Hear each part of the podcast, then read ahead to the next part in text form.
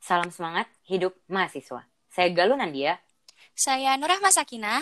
Sebagai staf Health Policy Studies dari Ikatan Senat Mahasiswa Kedokteran Indonesia, terkhusus pada wilayah 2. Kami akan membawakan topik terupdate tentang isu terkait kesehatan.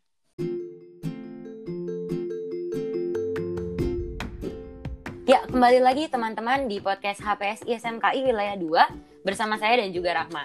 Nah, di podcast kita kali ini, di episode kita kali ini, kita bakal ngebahas suatu program yang sedikit banyak menuai pertanyaan dan juga program terobosan baru, yaitu kolaborasi relawan antara Kemendikbud, ISMKI, dan juga IT. Tapi teman-teman, asiknya hari ini gak cuman saya doang dan Rahma doang. Kita Tapi sama di sini, siapa? Galuh. Bener banget Rama, hari ini kita sama tamu yaitu udah ketawa-ketawa tamunya. yaitu National Coordinator of Health Policy Studies ISMKI, Bang Basra Ahmad Amro. Selamat datang, Halo. Mbak Basra. Selamat datang Bang Basra. Halo Mungkin semuanya. bisa diceritakan Oke. mungkin bisa diceritakan dahulu Bang Basra eh, sedikit tentang Abang dan juga mungkin National Coordinator ini nih apa sih Bang? Hmm. Ya halo teman-teman semua. Perkenalkan nama saya Basra Ahmad Amru atau dipanggil Basra. Saya sekarang mahasiswa koas di salah satu fakultas kedokteran dan sekarang saya menjabat jadi koordinator nasional di bidang kajian dan strategi lah kalau gampangnya kalau kan Wah, kastrat. Kastrat. Oh, keren banget. tapi skala nasional gitu ya? Ya gitulah. Oke kalau gitu daripada terlalu panjang kita lan- lanjut aja langsung masuk ke topik kita. Jadi Bang kan lagi ada program yang sedikit banyak menuai pertanyaan dan menarik juga sih Bang sebenarnya yaitu program kolaborasi relawan dengan hashtag sahabat sehat relawan Dirjen Dikti Kemendikbud X ISMKI X IT. Nah bisa diceritain gak sih Bang secara singkat gimana sih rentetan kronologisnya sampai terjadinya program ini? Hmm, banyak banget XXX-nya ya. Iya bener banget banyak banget kolaborasinya. banget belibet ya. Ya jadi sebenarnya ini adalah kolaborasi yang eh, terbangun dari narasi-narasi pemerintah pada awal yang memang ada keinginan dan ketertarikan untuk melibatkan mahasiswa kedokteran dalam penanganan pandemik ini. Namun di sini YSMKI selaku organisasi pemerintahan mahasiswa kedokteran yang ada di tingkat nasional merasa bahwa kami perlu mengawal kebijakan atau perencanaan akan pembuatan kebijakan tersebut. Karena kami percaya bahwa narasi-narasi itu pasti akan ditransformasikan menjadi kebijakan. Jadi kami kawal terus. Dan memang itu beneran ada, sempat memang ada surat dari Kemendikbud kepada dekan-dekan untuk mobilisasi sumber daya manusianya untuk penanganan terkait screening dan tracing dari COVID ini. Nah itulah Wah, Hmm. apa awal mula ceritanya itu ke sana dan dari sana lah kami lalu membuka ruang diskusi dan audiensi secara terbuka lewat surat terbuka kami pada Pak Presiden Hmm. dan juga secara terkhusus pada Kemendikbud terutama penegasan bahwa kami merasa ya menurut kami yang nomor satu diturunin itu ya yang punya kompetensi dulu ya dok- hmm, benar-benar. Hmm. tenaga medis baru kalau memang mau melibatkan kami tolong libatkan kami secara tidak terikat atau sukarela dan kedua Hmm, dari kompetensi gitu. Apa sih yang udah bisa diterapin sama atau bisa diimplementasikan sama mahasiswa kedokteran ya? Fungsi-fungsi edukasi yang ada di keilmuan ya yaitu public health atau kesehatan masyarakat. hmm, Oke. Hmm, ya. Nah, ini Kak, kan Mosel ini eh, yang ditujukan kepada mahasiswa ya. Nah, Mm-mm. kenapa sih kok mahasiswa ini harus turun dan apa aja yang bisa mahasiswa dapetin saat menjadi relawan ini? Ya, kenapa lu harus turun? Emang lu tiap hari di rumah? Bener banget ah, udah udah Bener. udah nggak sanggup. Perlu disadari memang ternyata kita butuh gotong royong sebenarnya. Memang sebenarnya kunci dari sebenarnya civil society menurut saya. Jadi bagaimana kita bisa jadi masyarakat yang madani, bisa nurut sama yang dikasih tahu, disuruh di rumah, di rumah, disuruh Setuju, setuju. Hmm, banget, setuju. tangan ya kan dan lain Hmm, bener. sebenarnya kalau menurut kami di sini yang paling penting itu adalah bagaimana kita semua bisa kerjasama karena ya ini bisa lewat kalau kita kompak mungkin ini teguran dan cobaan Hmm. buat kita semua nih sebagai bangsa nih ternyata kita tuh nggak jauh-jauh dari cuci tangan etika batuk bersin Iya, iya, iya. Hmm, betul betul. Dan apa yang bakal lo dapet kalau lo ikut ke sini ya udah pasti satu lo bakal dapet pengalaman.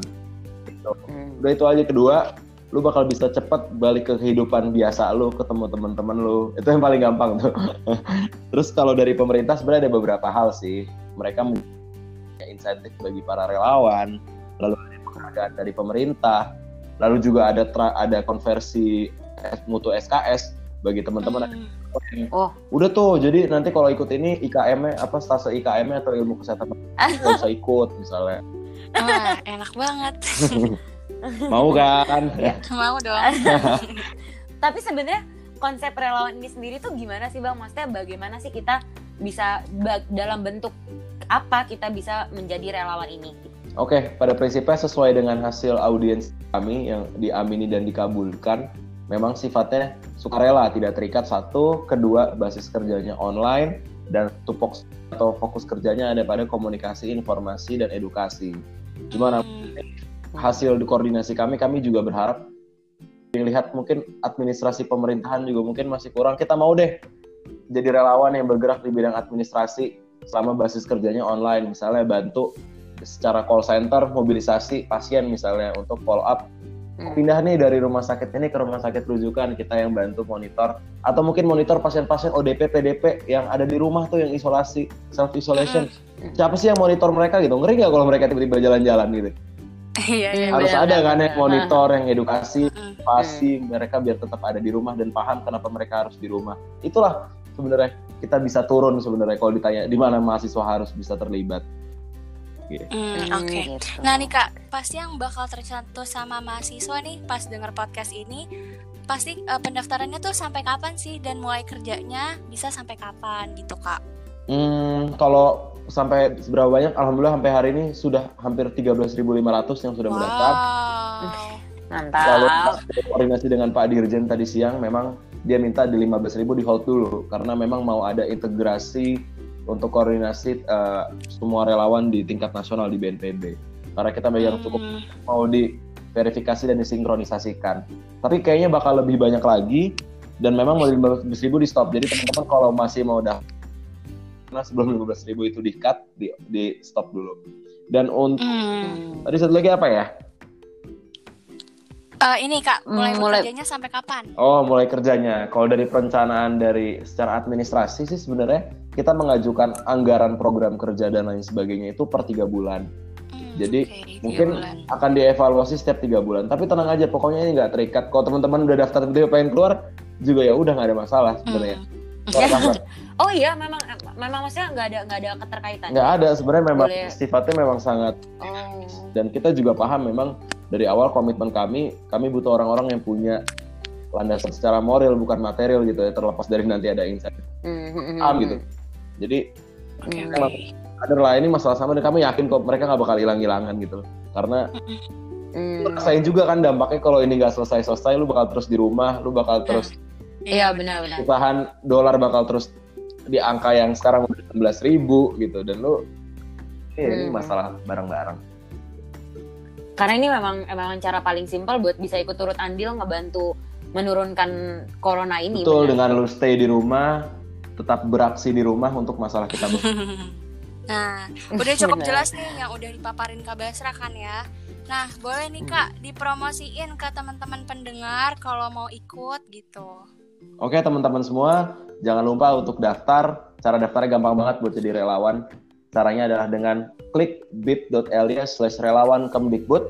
Langsung teman-teman daftar sesuai dengan kompetensi dan regio teman-teman. Nanti teman-teman akan dipetakan dan dikategorikan berdasarkan kompetensi dan regionya. Nanti teman-teman langsung ntar dapat arahan untuk SOP dan protokol apa yang teman-teman harus kerjain. Dan ingat, ini basis kerjanya online, tidak turun ke lapangan, dan intinya ini safety dan ini satu salah satu cara teman-teman untuk bisa kawal dan bantu bisa balik lagi seperti dulu sehat Seperti sedih. sedia kala Nanti ya. ya.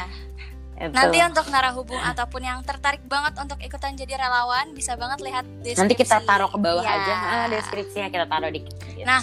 Mau makasih juga nih Kak Basra udah mau main-main bareng di podcast kita Mm. Terima kasih Bang Basra Makasih banget, sudah Kak. menjadi narasumber kita. dan udah berani Semoga juga nanti di- mengkawal perubahan kesehatan manusia ke depan.